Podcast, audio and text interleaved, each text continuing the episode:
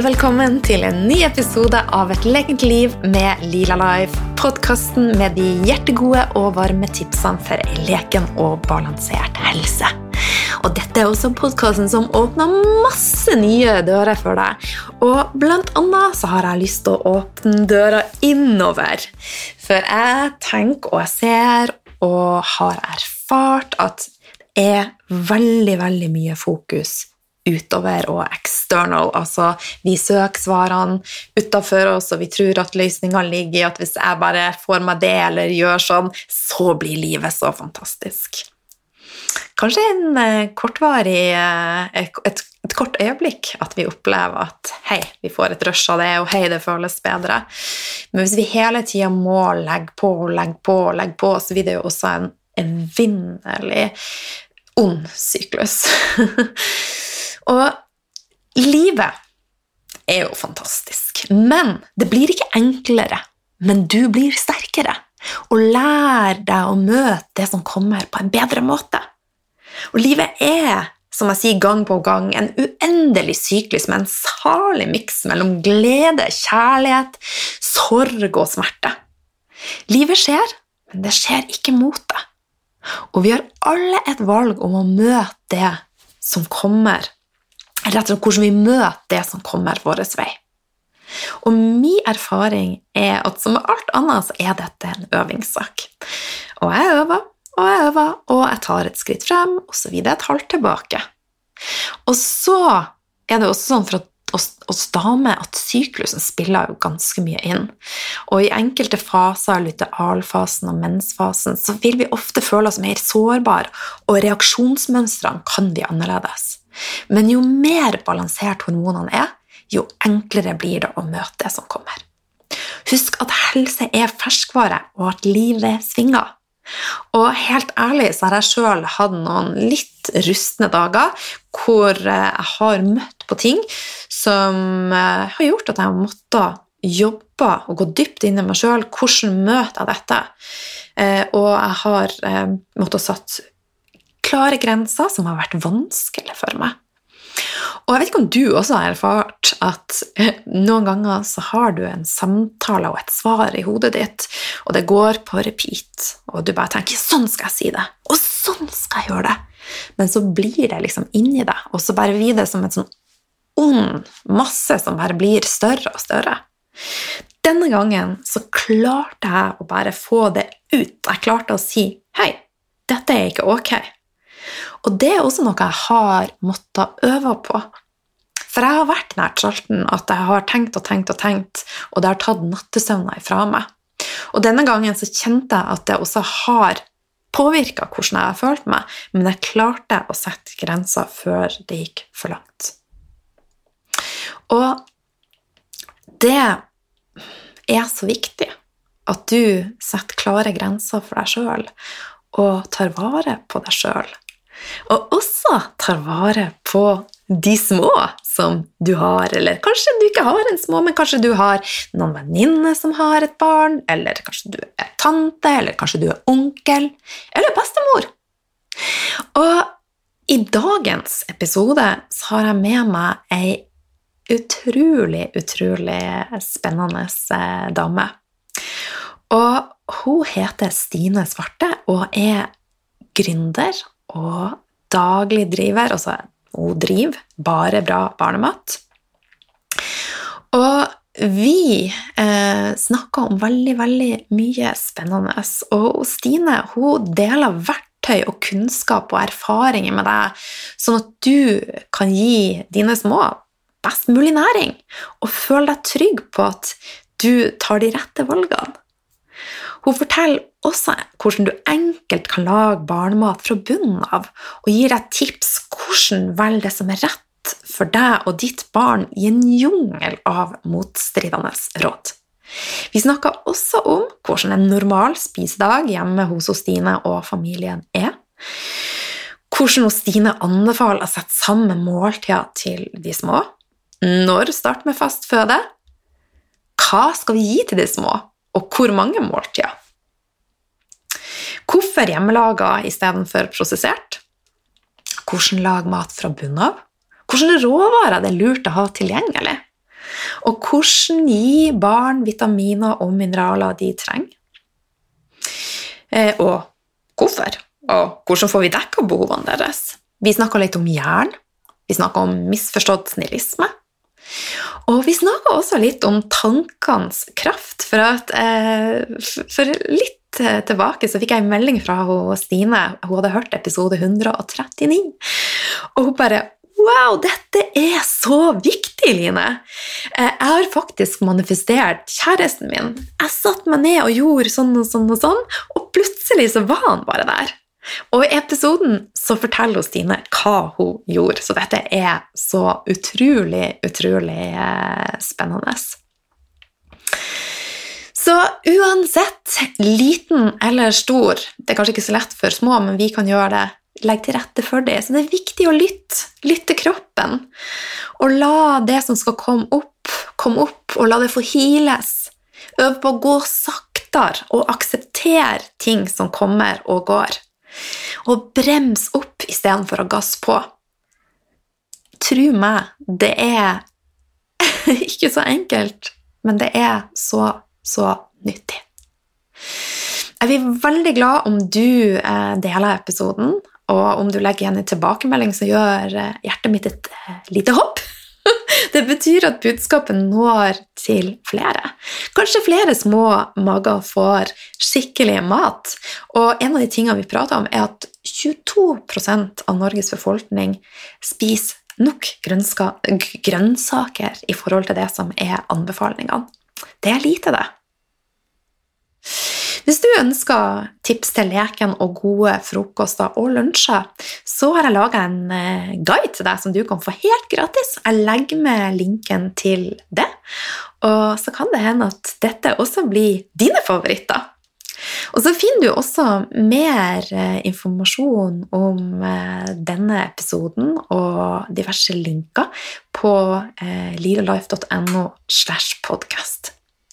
Da er det bare én ting som gjenstår, og det er å si god lytt! Hjertelig velkommen til podkasten, Stine. Så utrolig hyggelig å ha deg med. Tusen takk. Kjempekoselig å bli invitert med. Du, aller først, hvordan starta du dagen din i dag? I dag så vil jeg jo si at det kanskje ikke var en normal dag for oss her, men vi starta med å spise frokost sammen, alle sammen, og det er jo noe som jeg har eh, prøvd å få til en stund. Så her sto vi opp. Jeg dro og kjøpte rundstykker med hun på seks år, og så spiste alle sammen frokost sammen før vi kjørte på Eller før jeg kjørte hun eldste da, på skolen. Oh. Og det, det, er så koselig, og det er sånn jeg tenker at eh, det må vi bare prøve å få til. Men det er så fort gjort at det blir brødskiva i hånda på vei ut døra og ja. Så fantastisk. Så det, sånn starta vi dagen i dag. Så mm. kjørte jeg på skolen og kom tilbake igjen. og da Vi har to rådyr ute i hagen. Jeg bor jo egentlig ganske sentralt. Men da lå de her, så da så jeg på rådyra sammen med han yngste. og Det var bare sånn, hør, sånn harmoni, og det pleier ikke å være sånn hos oss. Altså, vi har mange utfordringer som vi jobber med sånn kontinuerlig, men det var bare sånn ja, jeg følte liksom at det, var, det er starten på uka. Det, det lover godt. Fantastisk. Men du, du sier du bor sentralt, og så har du rådyr i hagen. Hvor bor du da? Ja, Vi bor i Drammen, i, litt utenfor noe som heter ja. Gullskogen, men det er veldig sentralt. Der Kjøpesenteret ligger her rett borti gata. og nei, det er, eh, ja, De rådyra de har flytta inn i hagen vår, så de ligger liksom under busken og venter på epler. Så det er veldig, Åh, veldig koselig. Så koselig. Mm.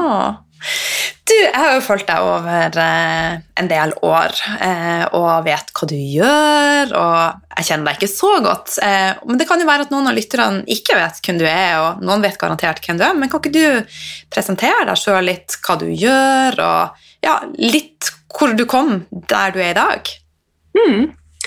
Ja, jeg jobber jo med mat til barn og hjelper de som har lyst til å lage hjemmelaget til barna sine, med å bli trygge, fordi det er jo ekstremt mange råd og ja, tips om hva som er best å gjøre for eh, de minste, spesielt. Mm. Og min reise, den, den starta jo egentlig For jeg var jo overvektig som uh, ungdom. Altså min uh, kostholdsreise, da. Så jeg var overvektig som når jeg gikk på videregående, ungdomsskolen videregående. Og jeg var vel egentlig ikke interessert i, eller jeg hadde ikke noen tanke om hva jeg puttet i kroppen min, at det kunne ha en sammenheng mellom både hvordan jeg så ut, men også helse, da. Mm. Så etter hvert som eh, det blir naturlig nok i den alderen, mer fokus på kropp, så fikk jeg også mer interesse for ernæring, og etter videregående så begynte jeg også å studere ernæring. Ja. Så etter min eh, bachelorgrad i ernæring så eh, begynte jeg å jobbe som kostholds, kostholdsansvarlig i barnehage. Og med ukemenyer og planlegging og mat til de minste. Så der starta jo egentlig litt det der med at jeg var interessert i eh, mat til barn. Mm. Og da ble jeg naturlig nok også mer interessert i hva jeg puttet i kroppen og også spiste. Så jeg så jo også at det hang sammen.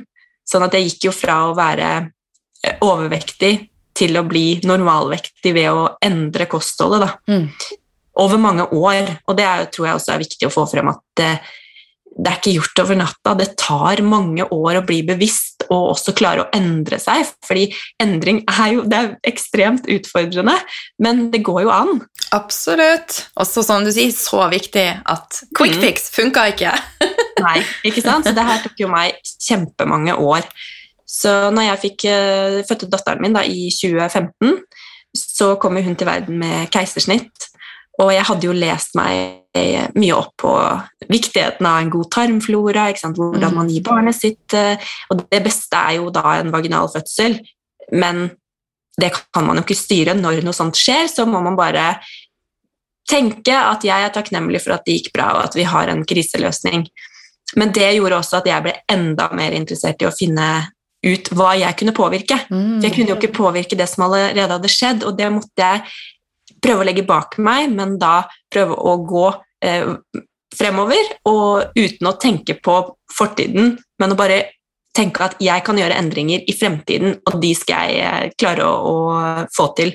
Og eh, jeg leste meg opp og ble bare mer og mer interessert i det her med kosthold til barn, da. Så spennende. Mm. Så det var litt sånn det starta for meg i forhold til det her med, med barnemat. Mm. Og i dag så er du da, altså, eier og daglig leder av Bare bra barnemat, så det her var det som var en katalysator til at du bestemte deg for å starte dette. Ja, og så var det jo det når man starter med fast føde eller har barn, så kommer man jo i kontakt med andre i barselgrupper. Da, i hvert fall, i 2015, så var det jo mer sosialt enn det, det er nå i forhold til den eh, nå når covid har vært. Da var det jo ikke noen barselgrupper. Jeg hadde i hvert fall ingen nå med min nummer to. Og da var det veldig mange som spurte og hva bør jeg gi, fordi jeg jobba jo ved siden av Samtidig som jeg jobba som kostholdsansvarlig i barnehage, så drev jeg også min egen klinikk hvor jeg jobba med ernæring. Og da var det så mange som spurte meg hva bør jeg gi, hva kan jeg starte med? Når man kommer inn på prat, ja, hva jobber du med da? Så Mm. får man, blir man jo bedre kjent.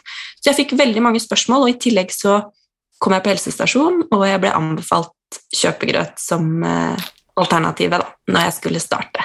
Så det gjorde på en måte bare at interessen vokste. Mm. For eh, mange er usikre, og det å ha én kilde å forholde seg til, det tror jeg er eh, som man stoler på, da, og som har den faglige kunnskapen, det tror jeg er kjempeviktig, fordi da slipper man å ikke sant, Med en gang man begynner å google, begynner å spørre om råd fra venninner, fra de i barselgruppa, Mm. så er det så lett å forsvinne inn i den der usikre bobla, da.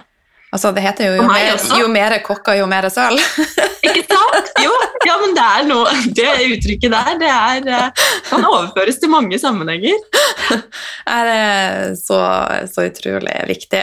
Men i dag så jobber du da fulltid med dette? Ja, Ja? Så gjør det. Ja. Ja. Og du bare kjenner at yes, jeg har lyst til Ja. å bare endre verden og hvordan de små spiser og Ja, det er akkurat det, og jeg tenker jo sånn Jeg har jo vært igjennom mange prosesser i løpet av de seks åra Barbara barnemat har eh, eksistert, og alltid så tenker jeg på en måte sånn at eh, eh, the higher mission. Da. Hva, hva er det? Hvorfor gjør jeg det her? Jeg kommer alltid tilbake til hvor viktig det er at barn skal få bra mat, og at de vokser opp på næringsrik mat, og at ikke minst foreldre får den her Mm. kunnskapen. At de vet, eh, vet hva de Eller hva som er forskjellen da, på og maten de gir. Mm. Du er jo supernysgjerrig, så det var jo det første spørsmålet var hvordan starta du dagen din. Eh, Men jeg har også lyst til å vite er, hvordan er en normal spisedag hjemme hos eh, dere? Oi, det er litt sånn eh, Det varierer veldig, altså. Vi Ja. Som sagt, prøver å få spist frokost. Har ikke klart det så godt fram til nå sammen, men det er Vi prøver å spise det samme. Vi gjør det, men det blir som regel middagen som er sammen, og kanskje også kveldsmaten.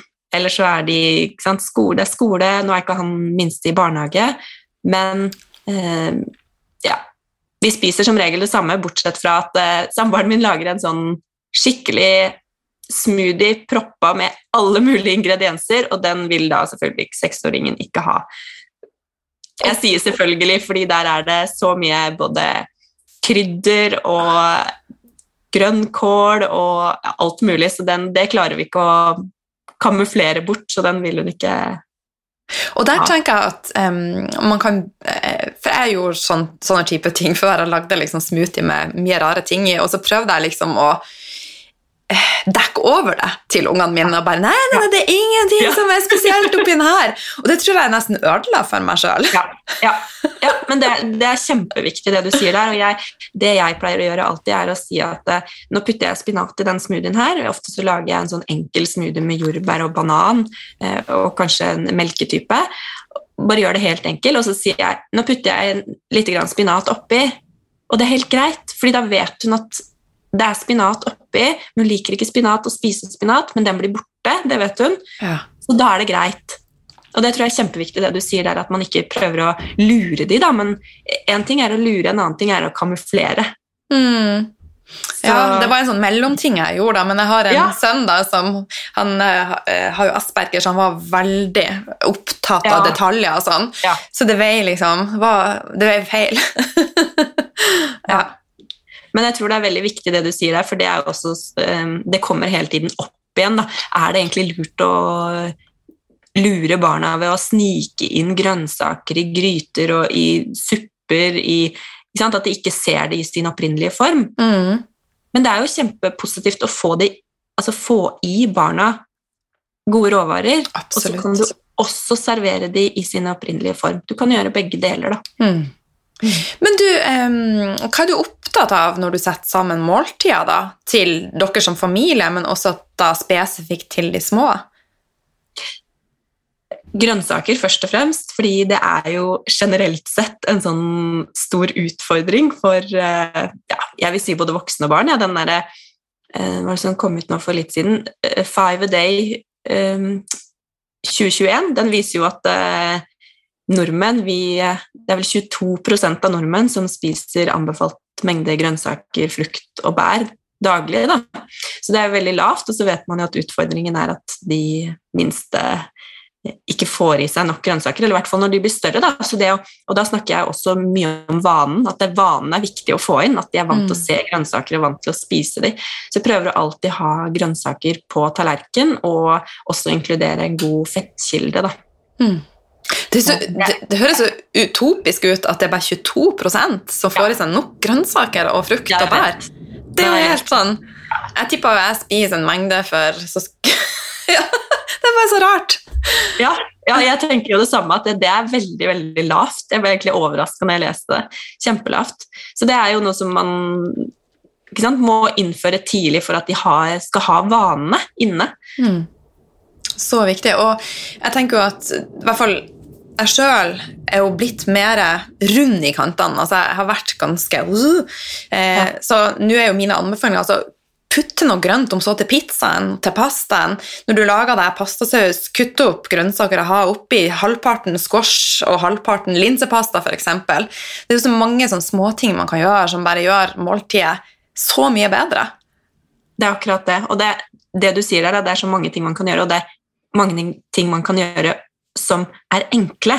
Det er bare det at man må vite om det, og man må kanskje stoppe opp og tenke, fordi vi går på autopilot. Så hvis ikke vi er vant til å få grønnsaker ved siden av pizzaen, så legger ikke vi på det Nei. uten at vi på en måte går ut av vår, vår, vårt egen sånn standard tankesett. Eh, og jeg syns jo pizzaen blir mye bedre hvis jeg får en salat med ruccola og litt sopp og ja, litt god tomat. Og, altså, da blir jeg sånn!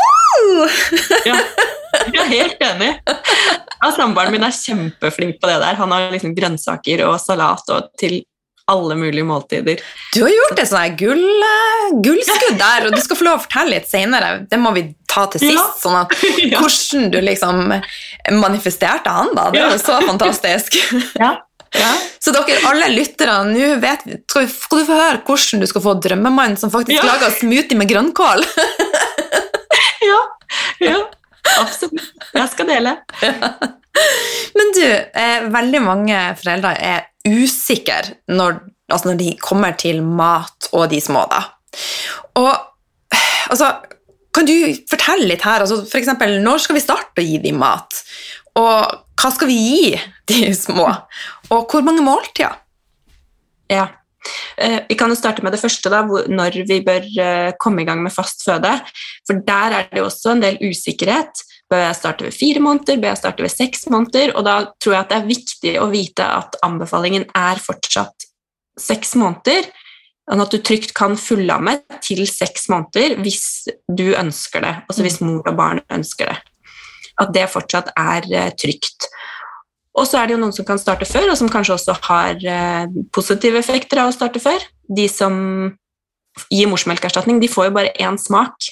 Altså morsmelkerstatningen er jo helt Den er jo konstant på smak, mens morsmelken tar jo smak av det vi spiser. Gjør den det? Ja, så det har jo vist seg at eh, Fantastisk. Så det har jo vist seg det at eh, flere ulike smaker tidlig er jo positivt i forhold til at eh, barnet skal, eh, eller bør da eksponeres for ulike smaker for å like flere matvarer både nå og også i fremtiden. Fantastisk. Mm. Så hvis man spiser mye sjokolade, så smaker også morsmelken litt, litt mer sjokolade? Jeg tror ikke det er helt det, men, men jeg, vet, altså jeg, jeg vet jo ikke. Men i hvert fall så tar morsmelken smak av hvis du spiser noen krydder, så, så Ja. varierer morsmelken i smak. Kanskje det er mer sånn utprega smak. Jeg tror ikke det blir litt sånn sjokolademelk, men det hadde jo vært fantastisk. Da har han fått mye sjokolademelk, han minste her. Men det går kanskje mer på bittert, søtt, sånne type ting. Ja. Ja. Ja. Skjønner. Så, så det er i hvert fall én ting å, å ta med seg i forhold til det her med smaker, og hvis man skal starte før. Så da er det jo de som eventuelt gir morsmelkerstatning, da. Og så er det jo selvfølgelig individuelle forskjeller, da. Og det tror jeg er liksom sånn kjempeviktig å tenke på, er det at eh, anbefalingene er generelle. Mm. De er kun generelle, de er ment til å favne en hel befolkning. Mens barnet ditt, da, eller ja, ikke sant Mitt barn er jo helt unikt. Mm. Jeg må jo være den som avgjør hva som er best for mitt barn. Ja. Og det tror jeg er veldig lett å glemme. Så den påminnelsen er, eh, er noe jeg prøver å si ofte, da. Så rett og slett eh, connect mer innover og kjenne på hva føles riktig i denne situasjonen. Yes. Mm. Kjempeviktig, fordi vi lytter så mye eksternt. Vi lytter til hva alle sier, vi leser på nett, vi stopper ikke opp, vi tenker ikke Vi lytter ikke til barnet vårt, vi er mer, kanskje mer opptatt av å, å lese på en, en lese på bloggen, da, på Barbara Barnemat-bloggen. Vi er mer opptatt av å lese hva er det som er riktig å gjøre, Mm. enn å lytte til deg selv, men også til barnet ditt. Lær å kjenne barnet ditt. Hvor er mitt barn nå? Mm. hva, hva trenger mitt barn? Sånn som han min starta med smaksprøver litt før seks måneder. Han var veldig motorisk klar for å starte. Og det var ikke datteren min for når hun starta med fastføde for fem og et halvt år siden. Så de er jo forskjellige, de er individer, og det er viktig å ta med seg i den settingen der, da. Mm. Måltidssituasjon, og når man skal starte med fastføde og gi mat. Mm. Sånn ca. cirka seks måneder, men noen ganger før, og noen ganger kanskje etter. Ja. Ja. Det tror jeg også, ikke sant? det du sier der, med at kanskje også noen ganger etter. fordi jeg får jo meldinger fra fortvilte foreldre ulike, som har ulike spørsmål, og det er et av de at man blir stressa fordi barnet ikke vil ha fast føde ved seks måneder. Mm. Og da skal man ikke pushe på, da skal man faktisk bare lytte til barnet. Og så Hvis det vedvarer, så kan man jo sjekke eventuelt om det er noe som plager ungen, som gjør at man ikke klarer å spise, kanskje. Mm, det er akkurat det. Så ta, prøv å ta ett steg tilbake, og selvfølgelig prat med helsesøster eller legen din hvis det er noe, men ha det her i bakhodet at det, det er ikke en sånn Det er ikke så enkelt som å sette opp en sånn fasit på mm. hvert enkelt barn, eller at alle skal inn under den samme inn i den A4-boksen. Mm. Ja, og hva gir vi da de små? For min del så vi, jeg sitter og tenker at det her vil jo eventuelt lærdom som jeg tar med meg til mine barnebarn. ja. ja, jeg er litt spent på hva du starta med, egentlig, til dine barn. Husker og, du det? Ja, det husker jeg faktisk, for jeg var jeg var veldig opptatt av mye av de samme tingene som, som du er. Eh, men Eh, jeg husker jeg brukte å gi han i hvert fall Noah eh, most eh, avokado og banan, og så hadde jeg i morsmelk. Men ja. det kom spyttende i trynet på meg. Jeg prøvde og jeg prøvde og jeg prøvde. og jeg prøvde. Eh, men jeg var ikke der at jeg lagde grøt sjøl. Sånn. Altså, han er jo 18 år, og Frida er 20 år. Så, eh, men jeg lagde barnemat, altså kokte grønnsaker og sånne type ting. Men grøten var kjøpt, så jeg skulle jo på mange måter ønske i dag at jeg kunne ha starta på nytt igjen. Men ja. Det skal ikke jeg gjøre. men det får du muligheten til med barnebarn. Ja. ja. ja. ja. Nei, det er jo som du sier, at det som er eh, kjempefint å starte med, er jo grønnsaker. Ulike smaker. Og der hadde du jo en fettkilde i avokadoen, så det er jo fantastisk. Og ikke minst tilsette morsmelk hvis man da gir mos. Og der tror jeg også det er viktig å få med at hvis du ønsker at barnet skal spise selv, altså BLV, så er det tidligst ved seks måneder du kan starte. Og det er jo i forhold til at barnet skal kunne klare å sitte selv og være stødig i hodet. Sånn at, mm. For da spiser de jo biter og mm. styrer, styrer selv, og det er jo kjempepositivt i forhold til utviklingen og mye motorisk de får øve seg, og masse som skjer i munnen. De får ikke bare denne moste maten, men de får sant, øvd seg på å tygge, som igjen er viktig for språk osv. Så, videre. Så det er um, supert med BLV hvis man ønsker å gjøre det, men det er jo da BLV. Ja. Barnestyrt mattilvenning. Ja, ok. Mm. Og det vil jo egentlig bare si at barnet spiser selv. Ja, så mm. BLV. Der lærte jeg noe nytt, så der ja. lærte kanskje lytterne noe nytt. ja, så bra. Det er jo, altså da, forskjellen på det å gi mos er jo det at du bare legger maten foran barnet, og så er det barnet som selv utforsker og plukker opp maten og fører det fra bordplata da, til munnen. Mm.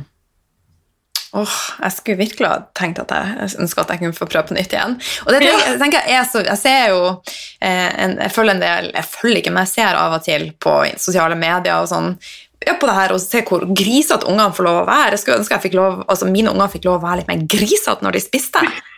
Vet du hva, Der kjenner jeg meg igjen, fordi med første så var jeg veldig sånn eh, Åh, jeg, jeg, takler ikke alltid grise. Og hun var jo også veldig mottagelig for å bli mata med skje. Så hun, hun, fikk mat på skje, og det var ikke noe gris. Og hun er, hun er en sånn griser ikke noe, aldri grisa noe når hun var liten. Jeg husker at jeg, husker jeg fikk kommentarer på kan hun gå med hvit kjole. Ikke sant? Så små barn Ja, det, hun grisa ikke noe, men det var sikkert fordi jeg hadde den der angsten for gris. Jo, men ja, jeg tenker det i dag, at det, var, det, var, det er på meg. Så han i dag han har vært mye mer utforskende, nummer én. Og, og, nummer to at han har kanskje fått mer lov også til å grise. Så jeg må ta meg i det stadig vekk at eh, det går fint, det er positivt, det er en del av utviklingen. Han skal få lov å utforske. Jeg kaller det ikke gris, jeg sier utforske. Ja. ja. Og så Alt kan jo uansett ryddes og vaskes bort, og klær kan vaskes. Og, så det er jo ikke noen kriser som skjer. Det er jo, Nei, som du sier, at utforsking på høyt plan, altså. ja. ja, det er kjempeviktig. Ja. Mm. Men du, eh, i forhold til hvor mange måltider, da? I starten så er det jo altså Når du starter med fast føde, så er det jo kun smaksprøver. Så da blir det jo det ene måltidet, men det er jo det å gå over på å være med på Jeg vil jo anbefale det at man starter med smaksprøver til lunsj når barnet er uthvilt og er klar for å smake noe nytt, fordi det som også eh, ja, Vi tenker ofte sånn Ok, nå skal de smake en ny matvare, f.eks. avokado, banan, potet. Mens for de så er det ikke bare en ny matvare, det er en ny måte å spise på, det er ny lukt, det er ny konsistens. Det, alt er nytt. Mm. Sånn, sånn, at det å innføre det på formiddagen, når de er opplagt og har muligheten til å si ifra når de er forsynt, og det er ikke nødvendigvis når de er mette, men når de er forsynt med smaksprøver, gjør man det først, og så kan man inkludere de i måltidssituasjonen sammen med familien. Mm. Og da gjør man det enkelt for seg selv. Har man f.eks. lagd noe mat, så kan man ha Man kan tilrettelegge til babyen eh, ved å ha ovnsbakte grønnsaker. Så da lager du ikke spesialmat til babyen. Nei. Da gir du de, om du gir BLV, altså at barnet spiser selv, så legger du potetbåt, gulrotbåter som er stekt foran de, eller så moser du det med en stavmikser eller med en gaffel. Men det kan det- være bra at det er litt tekstur, så de får øve Ja. seg litt. ja. Ja, det er kjempebra, så jo fortere man kommer over på det fra den der finmoste maten, jo bedre. Mm. Altså uten at man selvfølgelig stresser veldig da, med det. For det er, det er ikke noe stress, og jeg tror det er det er mange ting jeg sier som er viktig, men det å ikke stresse, fordi man overfører jo sitt eget stress på barnet. Mm. Så bare senke skuldrene litt og tenke at det, det går fint.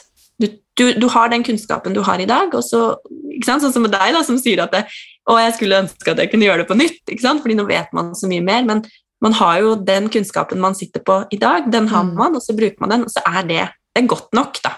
Mm. Det er sant. Men Det er kanskje et dumt spørsmål, men de færreste har jo tenner når de er seks måneder, men likevel så kan man gi de ting som faktisk er biter. Ja, absolutt. De har jo kjempesterke gommer. Ja. Så, altså, det er jo selvfølgelig matvarer som anbefales at man ikke skal gi, sånn som harde gulrotbiter eller harde eplebiter. Men så lenge du har stekt grønnsakene eller kokt de litt, så er det kjempefin konsistens for de. Og så må man selvfølgelig følge med da, på at barn barnet ikke setter noe i halsen. Ja. Det det må man jo uansett, Ja. om det er mos eller, eller biter. da. mm. det husker jeg syntes var så skummelt. Utrolig skummelt. Og det er, det er mer stresset. Senk skuldrene og tenk at dette går bra. Og det er akkurat det, ikke sant? Fordi når vi sitter der med kjempehøye skuldre, når barnet spiser biter og bare 'Å, tenk hvis han setter noe i halsen', da tenker jeg at kanskje det er bedre å gi mos. Mm. Faktisk, hvis du, deg, hvis du ikke føler deg trygg nok på å gi biter, så vent heller litt med biter. For ellers overfører man den der stressa matsituasjonen til barnet, da. Mm. Lurt. Men du, vi var litt om, innom det. Altså, vi bombarderes jo med råd fra alle kanaler. Og um, hva er ditt tips til å liksom finne den rette veien å gå? Altså det som vil være riktig for, for meg og for deg, og fasiten i gåseøya. Det finnes kanskje ikke noen fasit. Nei, altså det finnes? Og det er jo derfor også dette er retningslinjer. Altså disse rådene for spedbarnsernæring, det er jo retningslinjer, det er jo en anbefaling. Og det, jeg tror at det kommer litt tilbake til det vi var inne på, da, Line, med at man må lytte mer inn og ikke så mye ut. Mm. Nettopp fordi at det er, det er en jungel av råd der ute.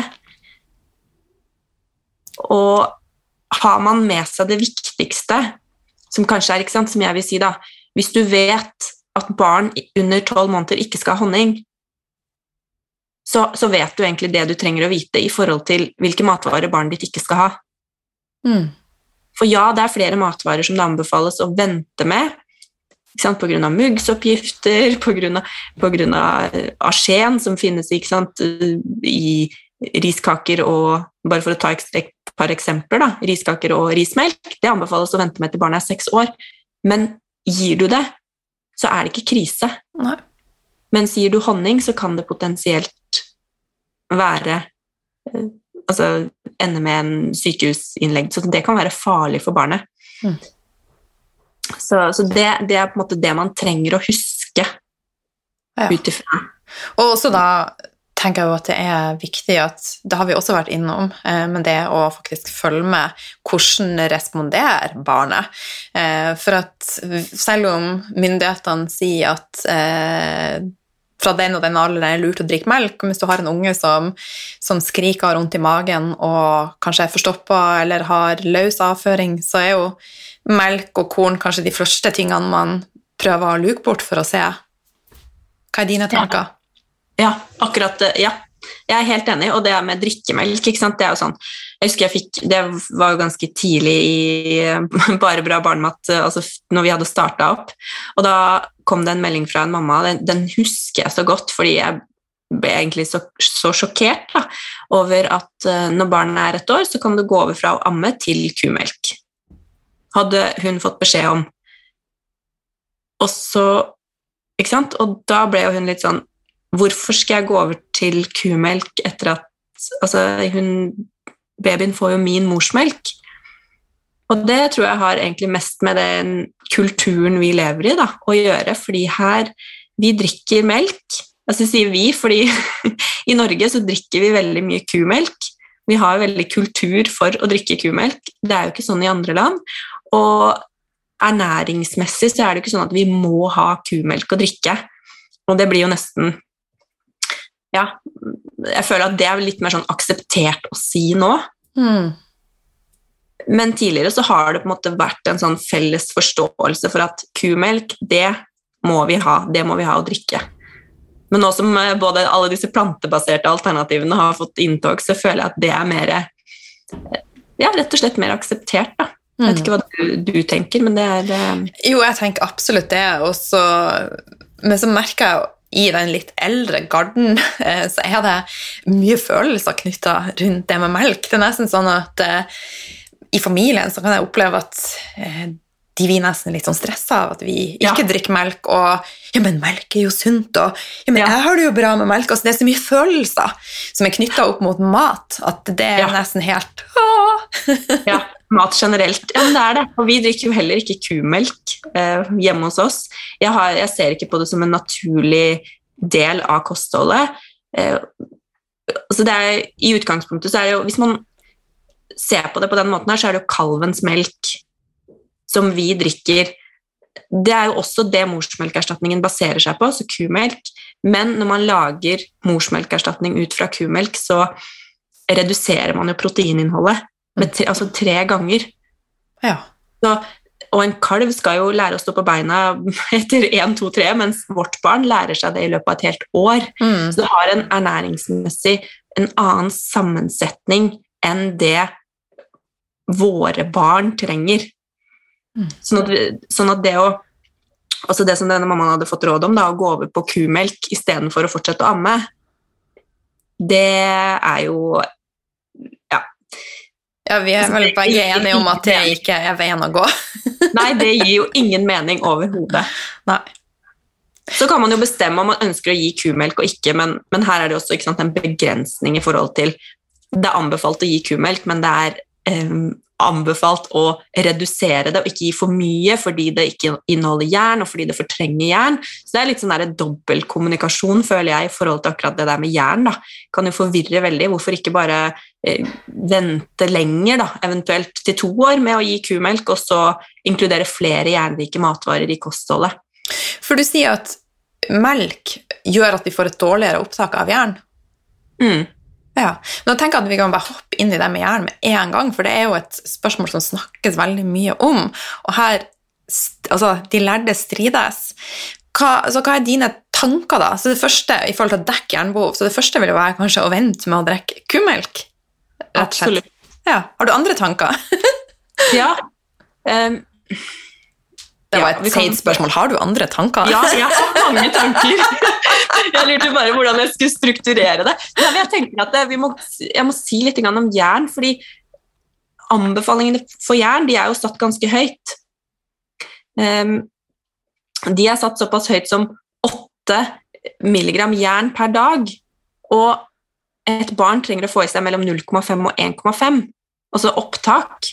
Så inntak og opptak er forskjellig, og jeg tror det er også veldig lett å bli stressa av. Mm. Oi, barnet mitt får ikke i seg så mye jern. Ja, men ikke sant? Det er aldri sånn svart-hvitt.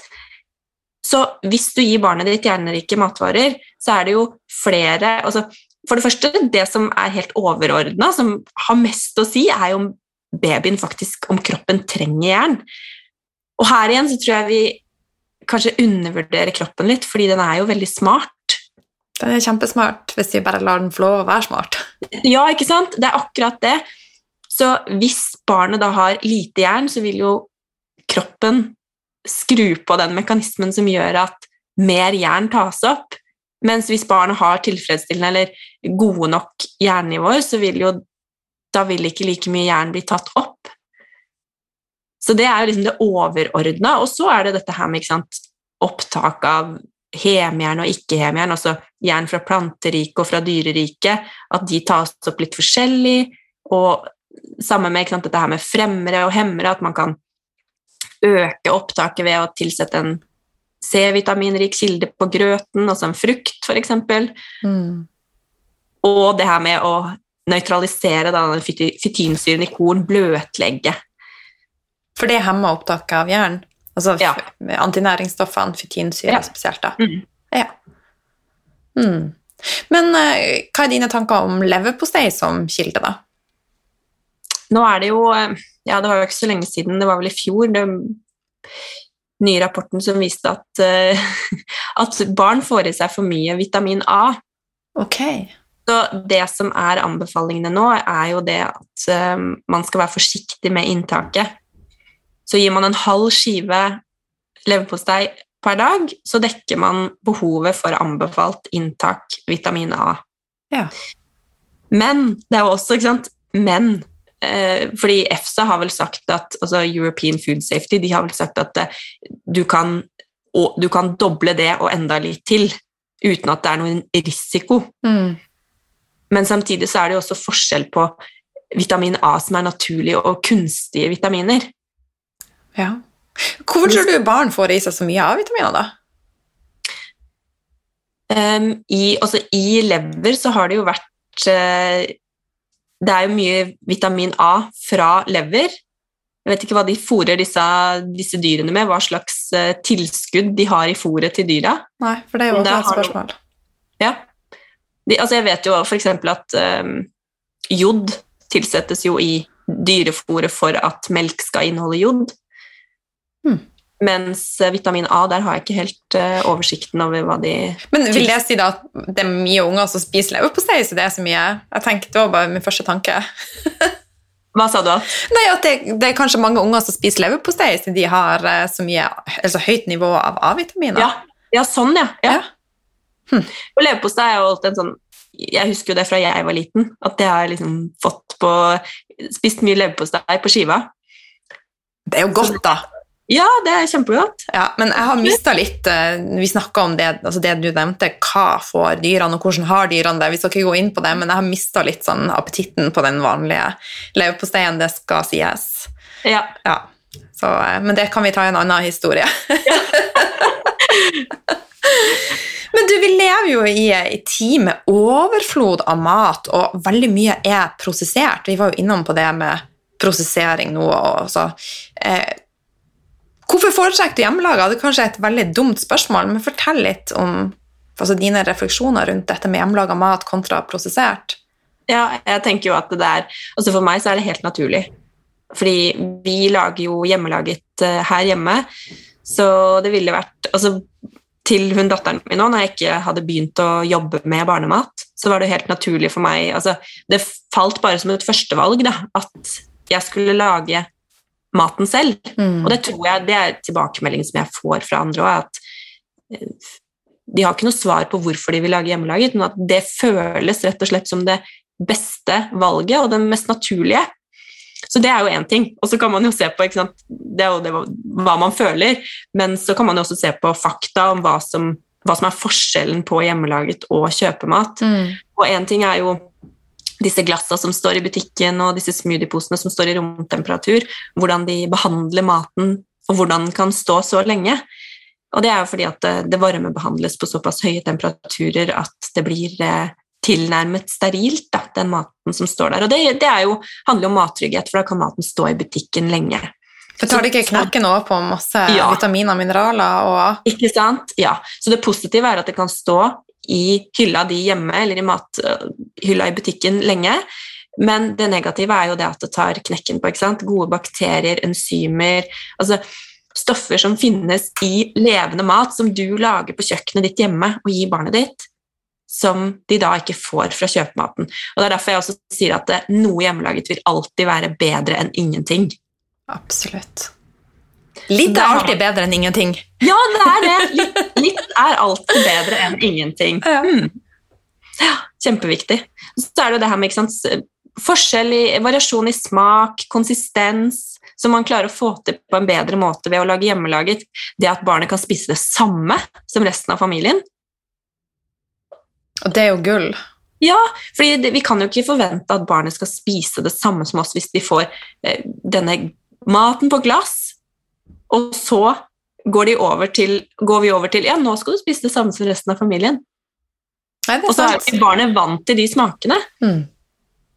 Så det å bare innføre familiens smaker med en gang, det er uh, hmm, kjempe, kjempelurt. Det er mange fordeler med å uh, lage hjemmelaget. Det at barna får se råvarene, hvordan de ser ut i sin opprinnelige form, ikke bare most i et glass eller kommer på en pose som en smoothie. Og det er jo ikke sånn jeg prøver å si at det er jo ikke sånn at man aldri skal ta med seg en smoothiepose fra butikken, men la det være et sånt alternativ. Ikke la, ikke sant? At la hjemmelaget være nummer én, og så at alternativet er å kjøpe om du eventuelt ikke har dårlig tid en dag, ikke rekker, er på tur, eller ja, noe lignende. Nå har jo også Malin i Grogro kommet med produkter som er bedre enn de som står i hylla. Da. Hun har vært med på podkasten. Ja, har det, ja. Ja, for ei stund tilbake. Ja. Ja. Ja, jeg driver og tråler meg gjennom podkastepisodene dine nå, det har du sikkert skjønt. Så, så så mange bra episoder. Ja. Ja. Jeg, sikkert, jeg har ikke kommet til den med henne, men det er jo i hvert fall gode alternativer. Så jeg tenker at det, finn de gode alternativene som er på butikken når du skal handle, for det finnes Det er så stor forskjell på produkter også. Absolutt. Altså, Ja. Hvis man er, mm, er nysgjerrig, og sånn, så finnes det kjempe, kjempemye bra bra alternativer. Men en viktig ting også med det med hjemmelaga, det er jo det med at det er jo laga med kjærlighet. Og det Yes. har jo så mye å si. Jeg tenker at energien i maten også har noe å si. Så, og, Ja, ja, helt klart. Det, det, ja, men det er Altså, det er jo det blir jo som, ikke sant, dette, Jeg husker dette eksperimentet med planter, når du prater positivt til Jeg vet ikke om du har hørt om det? Når du prater pos... Ja, ikke jeg, sant? jeg prater til plantene mine hver dag. Ja, du gjør det! Ja, ja men ikke, og det, det gjør dattera mi på seks år òg. Hun har en mangoplante som hun prater til. Fordi jeg sier ja, men da, da vokser planten din, da blir det en glad plante. Så hun er helt med på det. Og, og det er jo ikke sant, samme med mat. Hvis man er sur og sint når man lager mat, stressa, ikke sant? Mm. men er man mer harmonisk og eh, ikke så enkelt å få til alt i en hverdag, jeg vet jo det, men ja, det er som du sier, det er jo en grunn for at produsentene bruker det her, ikke sant, hjemmelaget mat, og spiller på det her mat laget med kjærlighet, at de putter det på Nora syltetøy, eller hva det er for noe som har sånn hjemmelaget syltetøy, ikke sant, vi får en annen sånn følelse Mm. når det kommer til hjemmelaget, det er, det er mat med kjærlighet, som du sier da. Mm. Men hvordan kan vi lure inn mer? Altså, la oss si jo, Kari jo jobber på sykehuset, og skiftet hennes starter sju, de er hjemme fra rushen klokka halv seks. Altså, hvordan kan man da implementere mer hjemmelaga mat i hverdagen? Har du noen gode tips og triks? Ja, jeg tenker at man må lage stort og fryse ned. Ja. Lag stort og frys lite. Det er eh, også selvfølgelig det her med planlegging. Som jeg også kan bli bedre på, men eh, planlegg, fordi da er det mye enklere å få det til. Og så ikke, sant, ikke gap over for mye på en gang. Kanskje ett tips er best nok. og Det er derfor jeg sier sant, lag stort, frys lite. Det er enkelt å forholde seg til. Det er ikke masse sånn skal gjøre ditt, det og det og det. Det er én ting. Så har du alltid i backup. Mm. Og så er det jo å starte i en ende, for at hvis du spiser ferdigmat sju dager i uka, hvis du begynner å lage mat én dag i uka, så er det ganske mange prosenter bedre. Og så kan Ja. du jo bare la det bli en positiv spiral. Og så Ja. begynner vi å lage i store kvantum, som du sier, og da har vi plutselig tre dager i uka hvor vi har hjemmelaga mat. Ja, ikke sant? Ja. Den ene dagen du lager, lag heller liksom mye større. Lag en gryte, lag en stor gryte. Kjempesmart. Og så er jo, eh, jeg syns jo sjøl oppvarmmat er nydelig. Mm. Så ofte det er bedre. Jeg vet det, for da får du stått litt, og smakene får liksom jobba seg sammen. Det er jeg helt enig. i. Ja, det er helt uh, fantastisk. Men det er noen råvarer Nå hørtes jeg veldig ivrig ut. Helt fantastisk. Men det er noen råvarer du tenker eh, er lurt å ha tilgjengelig for å Altså større sjanse for å lykkes? Ja, når man eh, skal, altså Tenker du på når man skal starte med fastføde? Eh, Når man skal lage Nå var vi plutselig veldig generelt her, men hvis vi skal lage Vi kan prate om barnemat. Lage opp og fryse ned. Mm. Altså det å ha i hvert fall gode oljer, da, og ha en del tørrvarer som eh, ja, som du vet du bruker, sånn som her hos oss, så bruker vi en del hakka tomat. eh, Vi bruker en del eh, Vi bruker korn, og da bruker vi Ja, jeg har alltid speltmel, eksempel, i eh, tørrvare, tørrvarehylla. Bare plukke ut de ingrediensene som du bruker mest av når du allerede lager mat. Så en god olivenolje, en god stekeolje hvis du vil bruke kokosolje f.eks. De to har vi alltid hjemme. Og så ha grønnsaker og frukt og eh, eventuelt eh, linser, bønner, kjøtt i fryseren f.eks. Mm. Egg i kjøleskapet. Ja, egg! Når kan unger få egg? Det kan man gi eh, når man starter med fastføde. Fra seks måneder? Mm.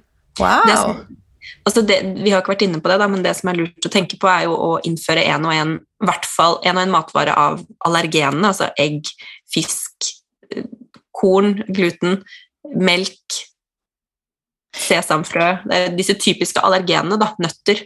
Innføre de en og en. Det blir nesten som å følge en provokasjon, provokasjonsdiett.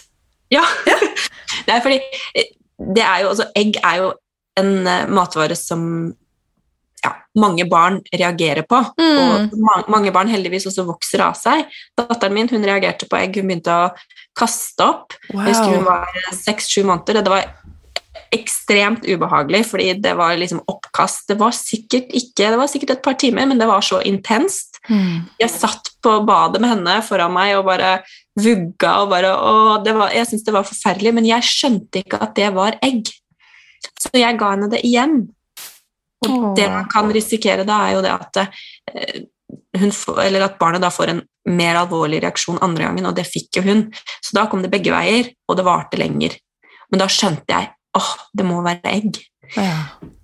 Så, så det jeg gjorde, var rett og slett å kutte det ut, og så fikk hun det igjen i varmebehandla, altså i bakst, når hun var lurer på om hun var mellom ja, halvannet år cirka, da. Og da gikk det helt fint. Så bra. Så det er ofte det man også får beskjed om av legen, er jo det å, å vente bare, da. Ja. Men klart, får barnet en alvorlig reaksjon, så bør man jo absolutt eh, forhøre seg med legen om hva man skal gjøre videre. Mm. Men du, i forhold litt tilbake til det med å lage mat eh, sjøl hjemme og fryse ned, har du noe eh, sånn enkel oppskrift på noe som du sjøl har brukt å, å lage og fryse ned? Altså hvilken type ingredienser, altså gryte til, til små barn? Åh, ja, jeg er jo litt sånn der, jeg bare slenger alltid en kasserolle og bruker en del sånn tomatbasert, Ja. eh, jeg alltid føler liksom at da blir det vellykka, og sammen med, eh, vi bruker jo en del kokosmelk, jeg synes jo det blir veldig godt, og så bare bruke altså, enten potet, søt potet, eh, hva annet er det vi pleier å bruke? Eh, Noe kjøtt, eller, sånn, eller er det vegetarisk? Ja, nei, du kan bruke kjøtt. Helt, Mm. eh, helt fint. Her, nå spiser ikke vi um, Altså, samboeren min, han spiser vegansk. Det Ja. gjør ikke vi. Men så vi spiser naturlig nok mer vegetarmat enn det vi har eh, gjort tidligere. Men kjøtt er jo også kjempefint å bruke i gryte, eller om du bruker kikerter, eller Men bruker man kikerter eller um, kidneybønner, så er det i hvert fall lurt å tenke på at når de er små, så kan de jo reagere litt. Og det her går jo på mengde. Mm. Sånn at man er forsiktig med mengden, i hvert fall i starten, i forhold til luftplager da, Mm. hos de minste. Mm. Men det er jo, gryte er jo fantastisk og langtidskoke kjøtt, og det er jo så godt. Så det er det jo er deilig. mm. Veldig godt. Men Et spørsmål som er kommet inn, da, eh, er Hvis du da lager en sånn her type gryte og skal da fryse ned til barnet ditt og ønsker å tilsette morsmelk, gjør du det eh, før du fryser ned, eller tar du i morsmelka etterpå? Hva ville du ha gjort? Jeg ville tatt i etterpå, fordi morsmelk er jo ferskvare. Ja. Så jeg ville tatt i det rett før barnet eventuelt skal spise. Jeg vet at Det er jo ikke så enkelt. Det spørs jo om man da? Jeg husker jo med datteren min da da var det bare for meg å klemme, så kom det. Men det er jo ikke Mange pumper jo ikke sant, og har i fryseren. Så, men uansett, da. Og, og um, det å ha det i rett før er det beste, og så får man bare se hva man får til, rett og slett. Bare husk at du da Morsmelken skal da fryses én gang, så da må du eventuelt, hvis du lager da en gryte, og du har eh, en porsjon, da, eller et glass Mm. eller hva som helst som du har fryst ned som er morsmelk, og du har det oppi, så må du jo da eventuelt kaste restene. Mm, ja, så det er lurere Eller å ha det i etterpå. Drikke opp morsmelka eller et eller annet. Du, må i hvert fall, du kan i hvert fall ikke fryse den ned igjen i retten eller for seg selv, da. Nei, skjønner. Men du, hvordan kan vi sikre at eh, de små får nok vitaminer og mineraler i seg? Oh, omfattende spørsmål og veldig enkelt. Jeg tenker sånn lage hjemmelaget. Inkludere gode råvarer. Altså grønnsaker, frukt, bær, nøtter, kjøtt, altså rene kjøttprodukter. Um, oljer. Bruke gode fettkilder. Ja, Mm. rett og slett. Gi gode råvarer, fordi det er jo noe med når vi begynner Vi var jo litt grann inne på det her med forskjellen på vitaminer i sin naturlige, opprinnelige form og tilsatt. Ja. Så hvis man da bruker naturlige råvarer og kjøper mat, så vil jo kroppen ikke sant? Den vil jo klare å ta opp de vitaminene på mest mulig effektiv måte. Og det er veldig mye vi ikke vet. Selv om vi tror vi vet veldig mye, og vi vet en del, så vet vi jo ikke nok om hvordan stoffer i maten fungerer sammen. Så, det, så jeg tror det er helt unikt å bruke, og helt nødvendig å bruke gode råvarer, og ikke belage seg kun på sant, hva det industrien fremstiller til oss som en løsning på vår tidsklemme, eller hva ikke sant? For det er jo ofte det. Vi må Det ikke la oss lure. Vi, rett og slett! Takk, der sa du det! Vi må ikke la oss lure. Back to basics. Ja. Ja. Men så er det jo også, vi har jo vært innom det med stress, og det er jo noe som jeg har blitt mer og mer obs på de senere årene. For at jeg spiste jo ganske flawless i mange år, men fortsatt å leve mitt vanlige liv med ja, altfor mye stress. Og det gjør jo også at næringsopptaket blir dårligere. Så jeg tenker jo også, hvis vi står med høye skuldre rundt eh, ungene våre, og det er mye uhugge rundt måltidene, så vil jo det også kunne påvirke magene til de små og opptaket. Absolutt, og det er jo det jeg liker så godt med, med deg da, og med podkasten, at du tenker helhetlig. Og det er jo klart at stress påvirker jo ekstremt mye. Det påvirker oss, det påvirker barna våre. Vi, kommer vi inn og er stressa, så har jo vi et ansvar for at vi tar med oss det stresset inn hjemme. Mm. Det, altså det er samme hva slags energi vi tar med inn, men hvis det er stress, da, eksempel, så, så overfører jo vi det på barna våre, på samboeren vår, på hele Mm. Ja. Mm. Og vi vet jo da at eh, altså produksjon av enzymer og magesyre settes ned, og blodet som skal gå til å fordøye, går jo mer hvis vi kommer i sånn fight or flight-modus, går jo til Ja. andre prosesser. mm. Mm. Det er kjempeviktig, akkurat det der. Og så er det liksom lettere sagt enn gjort, da. Å ikke stresse, eller ja, leve mer harmonisk og Det er jo en øvelse som alt Ja. Mm. kontinuerlig jobb. Mm. Mm. Men hva tenker du hvis, eh, hvis barnet ditt eh, Altså dere sitter med matbordet, og du har stått og laga mat med kjærlighet. Samboeren min, mener du? Å ja, ok, Samboeren din har laga mat med kjærlighet, og så setter dere dere med matbordet, og så er det en som sier 'Jeg liker ikke! Jeg vil ikke ha!' Hva skal man gjøre da? Ja, den er kjent, og den tror jeg mange kan relatere seg til. Det vi gjør, er egentlig å prøve å overse det. Ja. Og bare Ok, ja, men da Det er greit. du kan, da, du kan jo smake, da. Oppfordre til å smake, og så prøve å ikke ha så mye fokus på det. Mm. Og, og det jeg ser, da, i hvert fall hjemme hos oss, er jo det at det, ofte så er det sånn i begynnelsen av måltidet «Øh, 'Jeg vil ikke ha det. Æsj.' Mm. Og så hvis det ikke får så mye fokus, så ender det ofte med at jeg tar alltid på litt. da, Hvis det er en ny matrett eller det er noe jeg vet hun ikke er så glad i. Og da forsvinner ofte det etter hvert. Sånn som i går, så hadde vi gresskarsuppe. Og da Suppe pleier å gå veldig greit, øh, men i går så Jeg vil ikke ha gresskarsuppe. Mens hva skjedde? Den porsjonen, den forsvant. Fantastisk. Det tok litt tid, men vi prøvde å ikke gi det noe så oppmerksomhet, og prøve å ha det hyggelig og snakke om andre ting, istedenfor at fokuset blir henne eller barnet, på at barnet skal spise, og at det blir et sånt press. Mm. Fordi hvis Altså, ingen liker å spise under press, så hvis man på en måte får det? Tilbake til det der som du snakket om med stress. Mm. Det blir mer avslappa, det blir mer koselig, man begynner kanskje å snakke om andre ting. Som vi snakket om hva, hva hun skulle gjøre senere på halloween. Og da glemte hun det litt bort, og så forsvant maten. Så bra. Men eh, hvis man da gjør dette, og maten ikke forsvinner eh, Mm. Jeg vokste opp med at jeg måtte sitte med matbordet til all maten var spist. Altså, så jeg hadde jo mange år hvor jeg ikke altså, Det vrenger seg fortsatt når jeg tenker på det, for at jeg måtte spise kald fårikål og kald fisketunge. Og hva er dine tips da hvis maten ikke forsvinner? Ja, jeg, jeg hadde jo ikke Altså, mine barn de trenger ikke å spise opp. Nei. Så, fordi nettopp av det du sier der, da, mm. da Mm. kan man få en sånn veldig negativ eh, ja, negative følelser som henger ved deg resten av livet Mm. i forhold til visse matvarer eller retter. Mm. Men det er jo viktig, altså Tidene endrer seg jo, sånn at jeg behøver ikke noe nag heller. For at eh, min, min far vokste opp med ti søsken hvor de, ikke var en selvfølge å ha mat på bordet. Ja. Så det er jo man har jo alle en historie som er med å påvirke valgene man tar, eh, og så Ja. lærer man jo underveis, for at han gjorde det jo ikke med de neste ungene. Nei, ikke sant? Jeg var prøvekanin. Ja, du var først ut. Ja, det blir litt sånn med førstemann. Man uh, tar med seg kunnskapen og går, går videre. Det får de andre nyte av. Nei, det er sånn. Nei, jeg, jeg tenker jo at det beste er å, å, å alltid oppmuntre og oppfordre.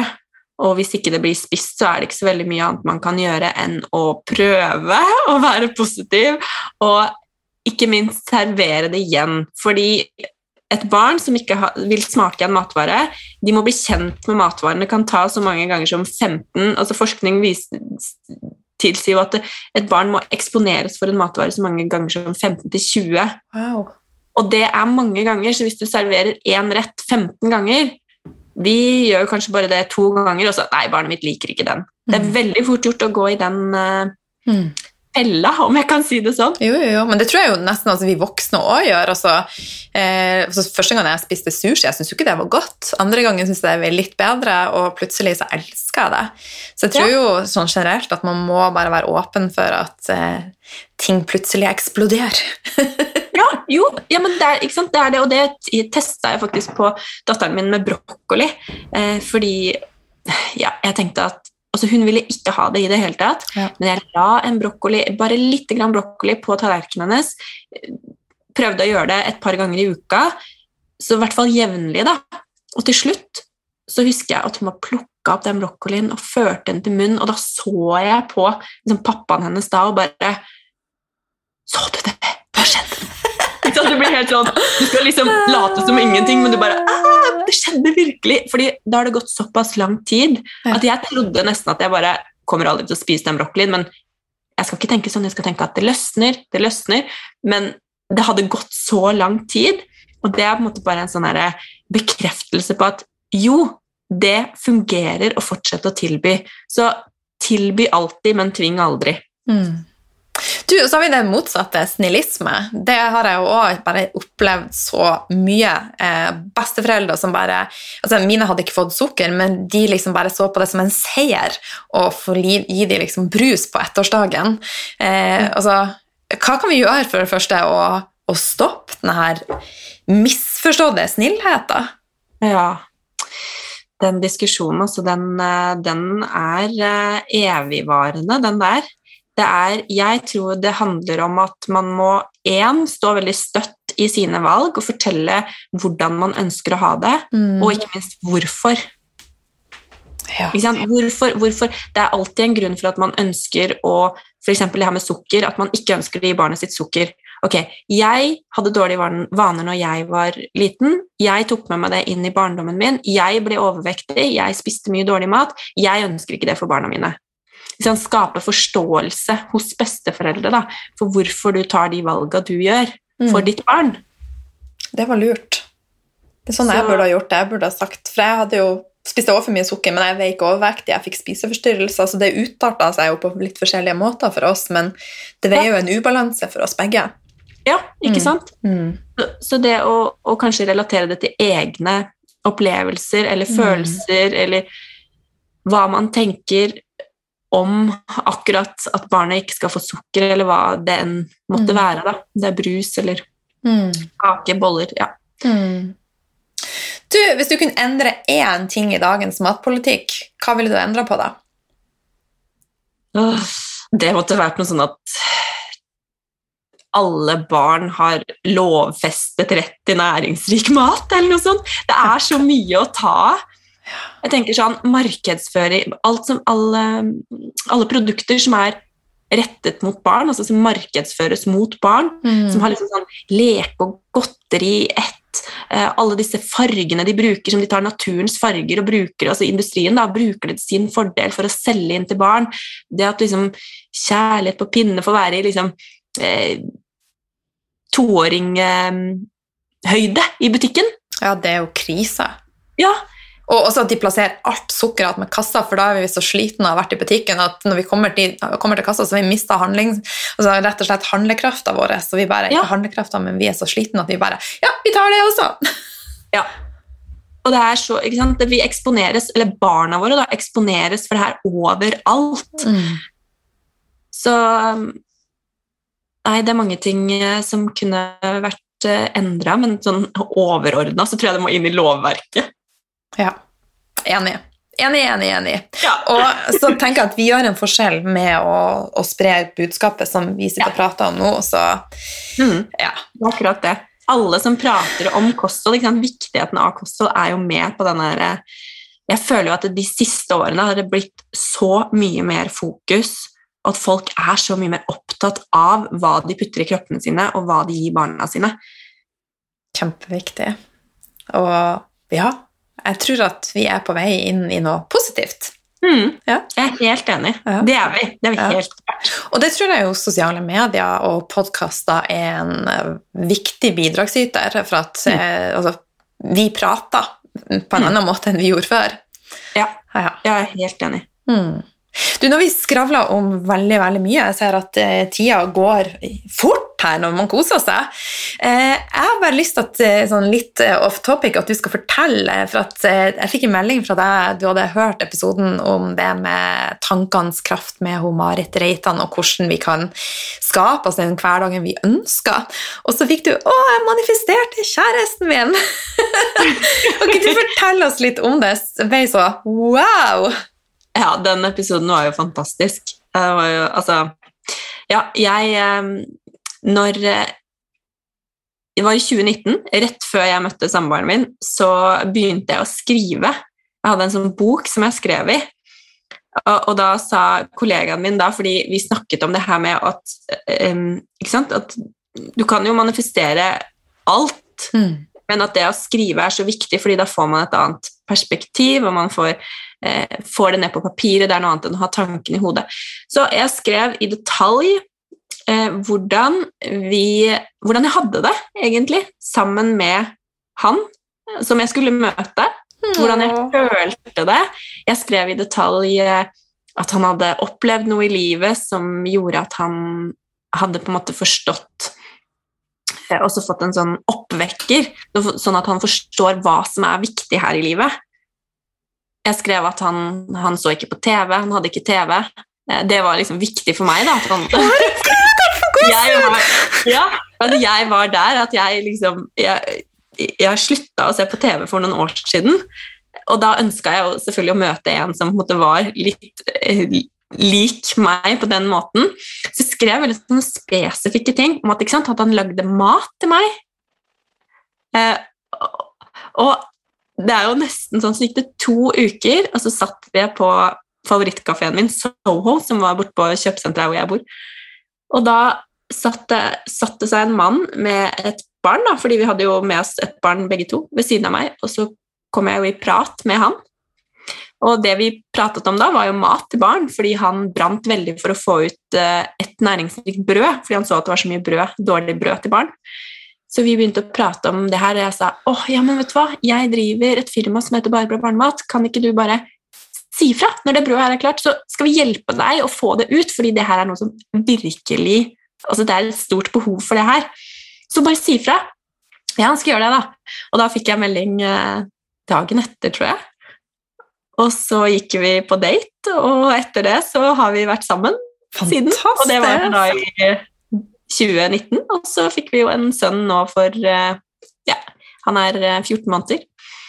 Så, og, og, ikke sant, alt det her stemte, da. Han hadde opplevd noe i livet som gjorde at, at han liksom forsto Det er ofte sånn at hvis man blir syk, sånn som han, da, mm. så begynner man kanskje å reflektere mer, begynner å tenke hva er det som er viktig for meg i livet. Mm. Hvor ønsker jeg å ha fokuset? Mm. Og det hadde jo han. Så, og dette her med TV Nei, han hadde ikke TV. Den hadde han kasta ut for mange år siden. Bare det, det er sånn Hvor mange møter man egentlig som ikke ser på TV? Jeg føler veldig mange ser på TV. Ja. Ser du ingenting?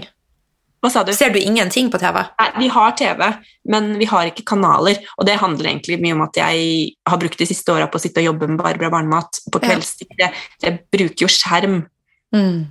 Men det handler også om at jeg ikke ønsker å ta inn. Jeg ønsker å bestemme hva som Hva er det jeg ønsker, istedenfor å konsumere, konsumere, konsumere, som vi ofte gjør. da, Være mer bevisst på hva jeg tar inn. Så viktig. Ja. Mm. Fordi vi blir jo naturlig nok veldig slitne av å ta inn hele tiden. Og så er det det med jern. Også han klarer faktisk ikke Jeg leste akkurat Joe Dispenza. Det var en dame som opplevde noe ganske traumatisk. Altså Kroppen klarer ikke å skille mellom Skjer dette faktisk på real, eller er det i tankene? Ja, og det er det, ja, og det, er det som er så interessant, da, fordi at, det, at man liksom kan eh, tenke seg positiv, f.eks., ved å gjenoppleve situasjoner der hvor du har fra barndommen eller hva som helst, der hvor du har hatt det bra, og leve deg inn i den mm. situasjonen. Mm. Og så kan lure, lure tankene, lure hjernen din. Mm, du, altså, du, jobber jo faktisk med underbevisstheten din. Ja, ja, ja. Eller jobber, jeg liker ikke ordet jobber, men ja, du øver. Ja, det er kjempespennende. Mm. Så det var så mange ting som stemte at jeg ble helt sånn Er det her mulig? Han, eh, eh, det at han eh, Sånn som jeg, Vi snakket om at han har lagd sellerijus til meg et helt år. Han lager smoothie hver morgen. Det er han som lager maten. Dette skrev jeg ned i detalj, og jeg skrev masse. Jeg skrev mange mange sider ikke sant? Om, at, om, om egentlig alle hva som var viktig for meg i en, en partner, da, og hvordan jeg ønska å føle meg, rett og slett. Så det blir litt sånn når jeg snakker med venninner som sant, kanskje leter da, etter Eller søker ja, Vente på, eller hva man vil si. For ingen vil jo si at de leter.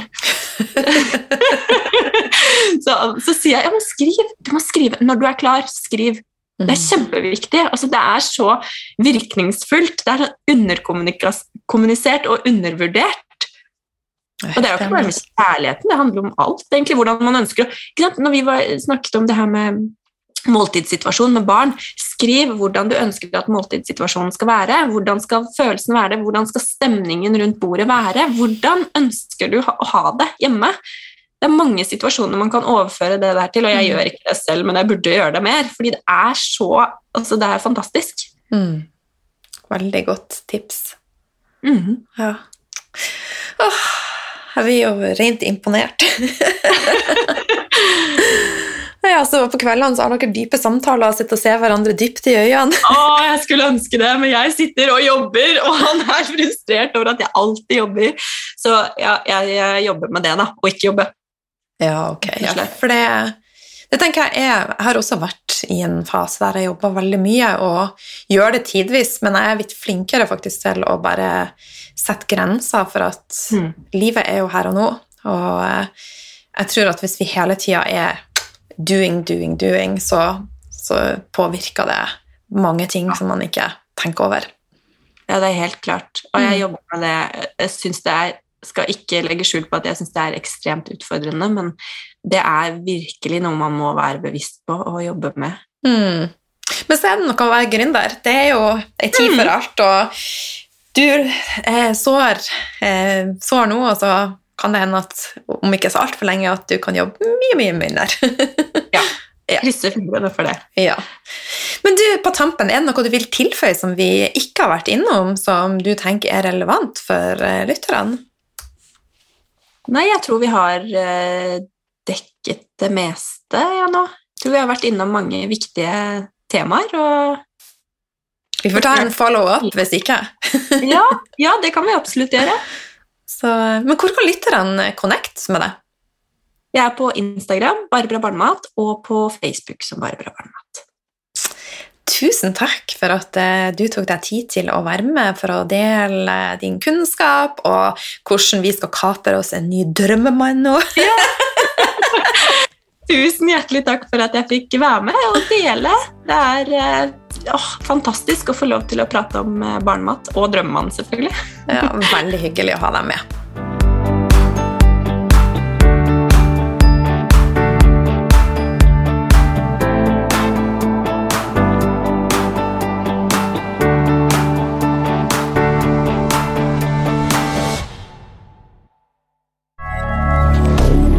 moderne media.